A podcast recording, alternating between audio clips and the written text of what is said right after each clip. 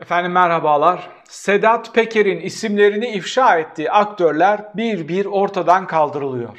Bu kadar tesadüf olamaz. Neydi bu? Kimdi bu isimler? AKP'nin İzmir İl Başkan Yardımcısı Ahmet Kurtuluş. İsmi tırnak içinde söylüyorum FETÖ borsası içinde geçiyordu. Para karşılığı isim aklamaya çalışan, o tür işlere girişen bir aktör olarak adı zikrediliyordu Peker'in ifşaatlarında. Daha sonra Almanya Osmanlıları ya da Almanya Osmanlı Ocakları gibi e, bir kuruluş vardı ki Almanya'da anayasaya aykırı teşkilatlar listesine alındı ve yasaklandı bu örgüt. İşte silahları olan birçok e, yasa dışı işe karışan bu örgütün liderlerinden, önderlerinden Taner Ay işte yanılmıyorsam Bulgaristan yolunda öldürüldü. Hepsinden önemlisi çok daha büyük bir isim Halil Falyalı dün Kıbrıs'ta oldukça profesyonel bir şekilde organize edilmiş bir cinayete kurban gitti. Şimdi masanın üstünde bazı sorular var. Bunlardan en önemlisi iktidara veda etme aşamasına gelen, bunu çok net bir şekilde görmeye başlayan AKP iktidara veda ederken arkasında iz bırakmak istemiyor yorumunu yapanlar oldu. Bu olabilir mi?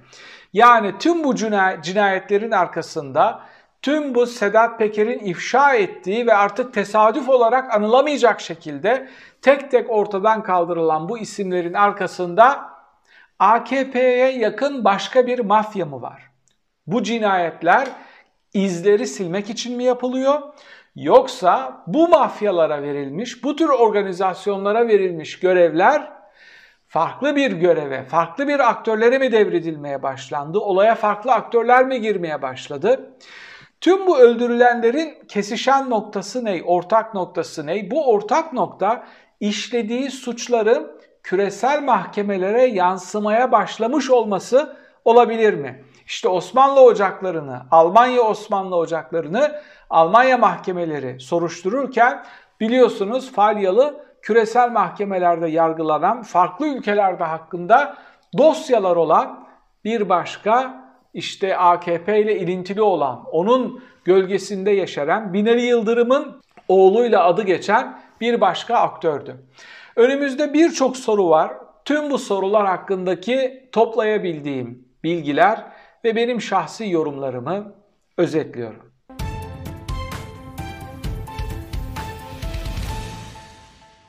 Önümüzdeki en önemli sorulardan bir tanesi Türkiye 90'lara mı dönüyor sorusudur. Mı burada fazladır. Türkiye 90'lara döndü.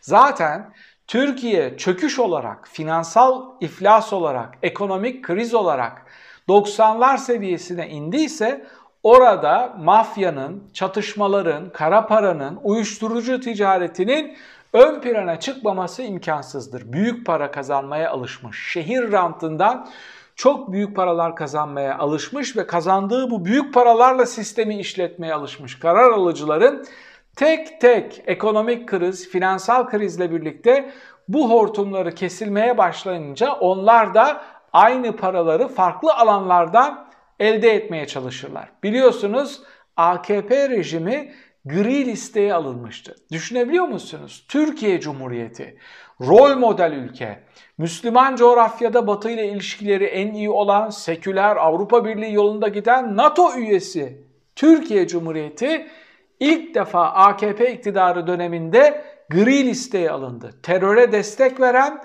kara para aklayan ülkeler arasında gri listeye alındı. Bir adım ötesi terör rejimleri, siyah liste, kara liste. Şimdi bunların ortaya saçılması, bu cinayetlerin peş peşe ortaya peş peşe ortaya saçılması bu soruyu gündeme getirdi. Türkiye 90'lara dönüyor mu? Artık bu soru gereksizdir. Türkiye 90'lara dönmüştür.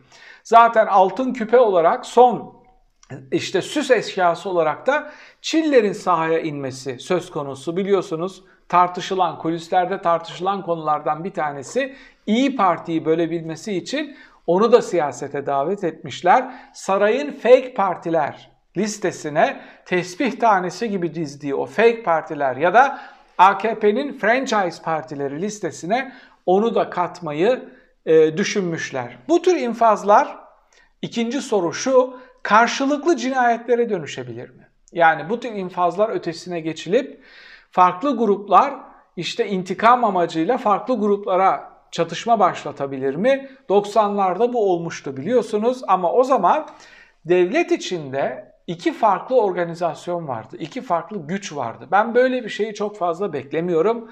Türkiye Cumhuriyeti'nde derin devlet olduğuna inanmıyorum. Her şeyiyle tepeden tırnağa hiyerarşik olarak bir AKP rejiminden bahsedebiliriz. Şimdi 90'lara dönülüyor mu sorusunu gereksiz kılan ve 90'lara döndüğü ispat eden bir başka veri ise bu ülkede halkın %25'inin desteğini almış ve Millet İttifakı'nı inşa, inşa etmiş, onun da doğal lideri pozisyonunda olan ve arkasında minimum %50'ye yakın dolaylı destek olan Kemal Kılıçdaroğlu'nu, ana muhalefet liderini bir suç örgütü lideri açık bir mektupla açıkça tehdit etti ve kimse kılına bile dokunamadı. 90'lara biz çoktan geldik. Bu tür cinayetlerle sadece olayı tekrar tartışmaya, tekrar masa üstüne koymaya çalışıyoruz. Peki burada önemli bir başka soru var. Sedat Peker daha önce Falyalı ismini ifşa etmemiş olsaydı biz bu olayı nasıl görecektik? Bir üçüncü sayfa cinayeti olarak görecektik. Kıbrıs'ta biri öldürüldü. Birkaç haber çıkacaktı. Bir iki gazeteci çırpınacaktı bir şeyler söylemeye olayı bilenler. Ama duymadan geçecektik. Ne dedi Peker? Bu adamın elinde bir arşiv var. Ve bu arşiv benim elime geçti. Bana dokunursanız bu arşivi yayınlarım. Ve çıktı Kıbrıs Başbakanı'nın görüntülerini yayınladı. O da istifa etmek zorunda kaldı. Gerçekten iğrenç görüntüler yayınladığı. Ve başka bir şey daha söyledi. Binali Yıldırım'ın oğlu Erkam Yıldırım uyuşturucu ticaretini bu adamla birlikte organize ediyor ve oraya gittiğinde onun otellerinde kalıyor, orada kumar oynuyor. Onun da görüntüleri var dedi Falyalı hakkında. Böyle bir cinayet işleniyorsa ve Peker bu kadar şeyi deşifre ettiyse Binali Yıldırım'ın ahbap çavuş ilişkisi içinde olduğu bir adamı kim öldürebilir? Şu dönemde değil mi? Bu kadar organize, bir kere birilerinin izin vermeden, organize etmeden, önünü açmadan böyle bir adamın ortadan kaldırılması imkansıza yakın bir hadise. Artı bu kadar bilgi ortaya saçılmamış olsaydı biz bu cinayetin aslında ne anlama geldiğini öğrenemeyecektik, anlayamayacaktık. Onun için Sedat Peker ifşaatları bir kez daha çok önemli bir şekilde tekrar ediyorum. Türk siyasetinde öncesi ve sonrası olarak tartışılacak olan ifşaatlardır ve gördüğünüz gibi domino etkisi yapıyor.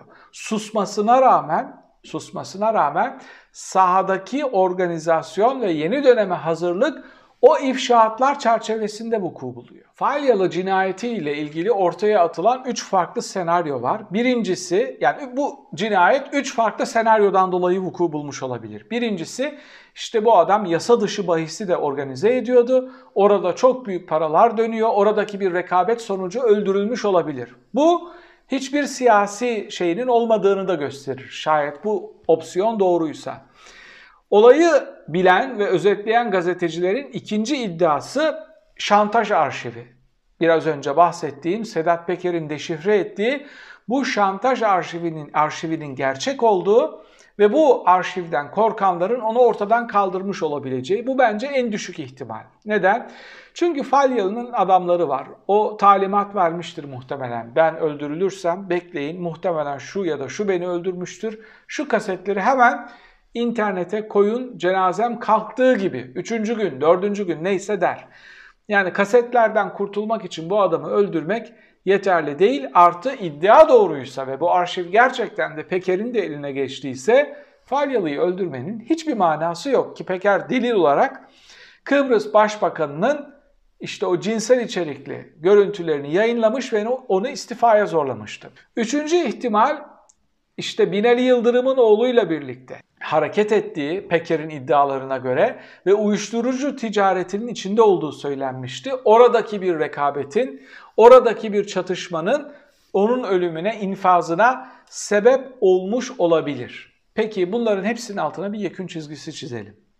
Nerede durmalı ve bu olayı nasıl okumalıyız?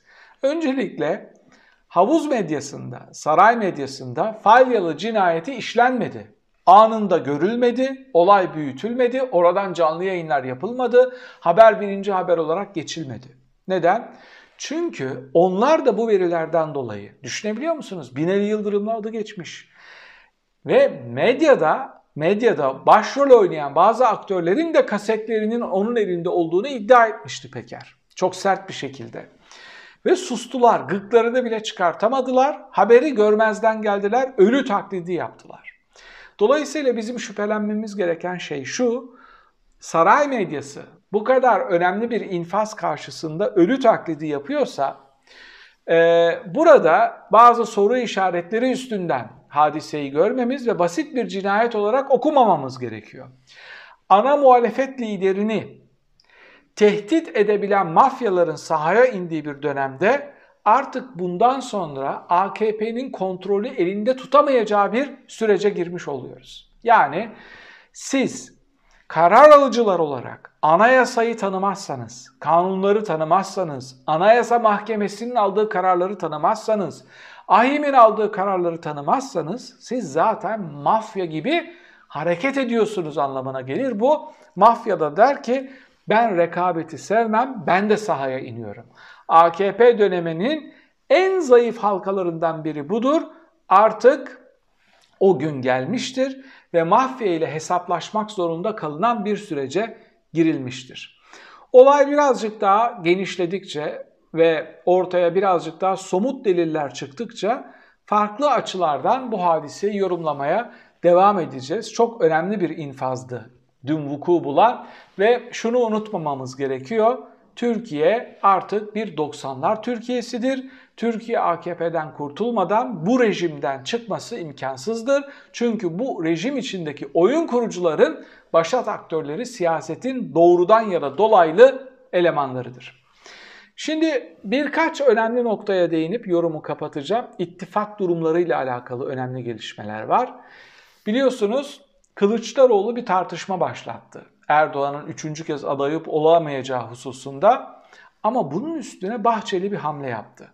Bahçeli çıktı dedi ki Erdoğan'ın üçüncü kez seçilebilmesi için gerekli düzenlemeleri yapmaya hazırız. Şimdi bakın sarayın aktörleri TBMM Başkanı Mustafa Şentop çıktı dedi ki ondan önce hiçbir sorun yok. Bu rejim yeni bir rejimdir. Ben zaten bir makale yazacağım.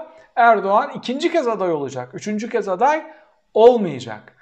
Ama Bahçeli öyle bir ters köşeye yatırdı ki onları bu yaptığı açıklama yani gerekli düzenlemeleri yapmaya hazırız açıklaması şu anlama geliyor. Mevcut düzenlemelere göre sen aday olamıyorsun. Ben bu kozu sana karşı kullanırım. Bu açıklama akabinde de Kılıçdaroğlu geri adım attı. Ben işte efendim aday olabilir şu şartlar altında söylemiştim. O şartlar olmazsa zaten anayasaya göre aday olamıyor dedi. Benim şahsi fikrimi biliyorsunuz. Bence Erdoğan aday olmalı ve sandıkta yenilmeli. Onun üstüne, onun yenilgisinin üstüne bir rejim inşa edilmeli. Onun bahanelerin üstüne değil. Ama görünen o ki Bahçeli yakaladığı yerden Erdoğan'ı köşeye sıkıştırıyor. Oradan istediklerini aldıktan ya da elindeki kartları kullandıktan sonra farklı açıklamalar yapabiliyor. Bahçeli'nin bu çıkışı gözden kaçmamalı. İkinci önemli hadise biliyorsunuz 12 Şubat Cumartesi günü 6 muhalif partinin lideri bir araya gelecek. Bu Millet İttifakı'nın ilk gövde gösterisi olacak ve ilk toplu fotoğrafı olacak. Yani bundan sonra haber yaparken liderlerin fotoğraflarını kolaj yapmak zorunda kalmayacağız. İlk defa 6 lideri aynı arada ve aynı karede gözlemleme fırsatı yakalayacağız.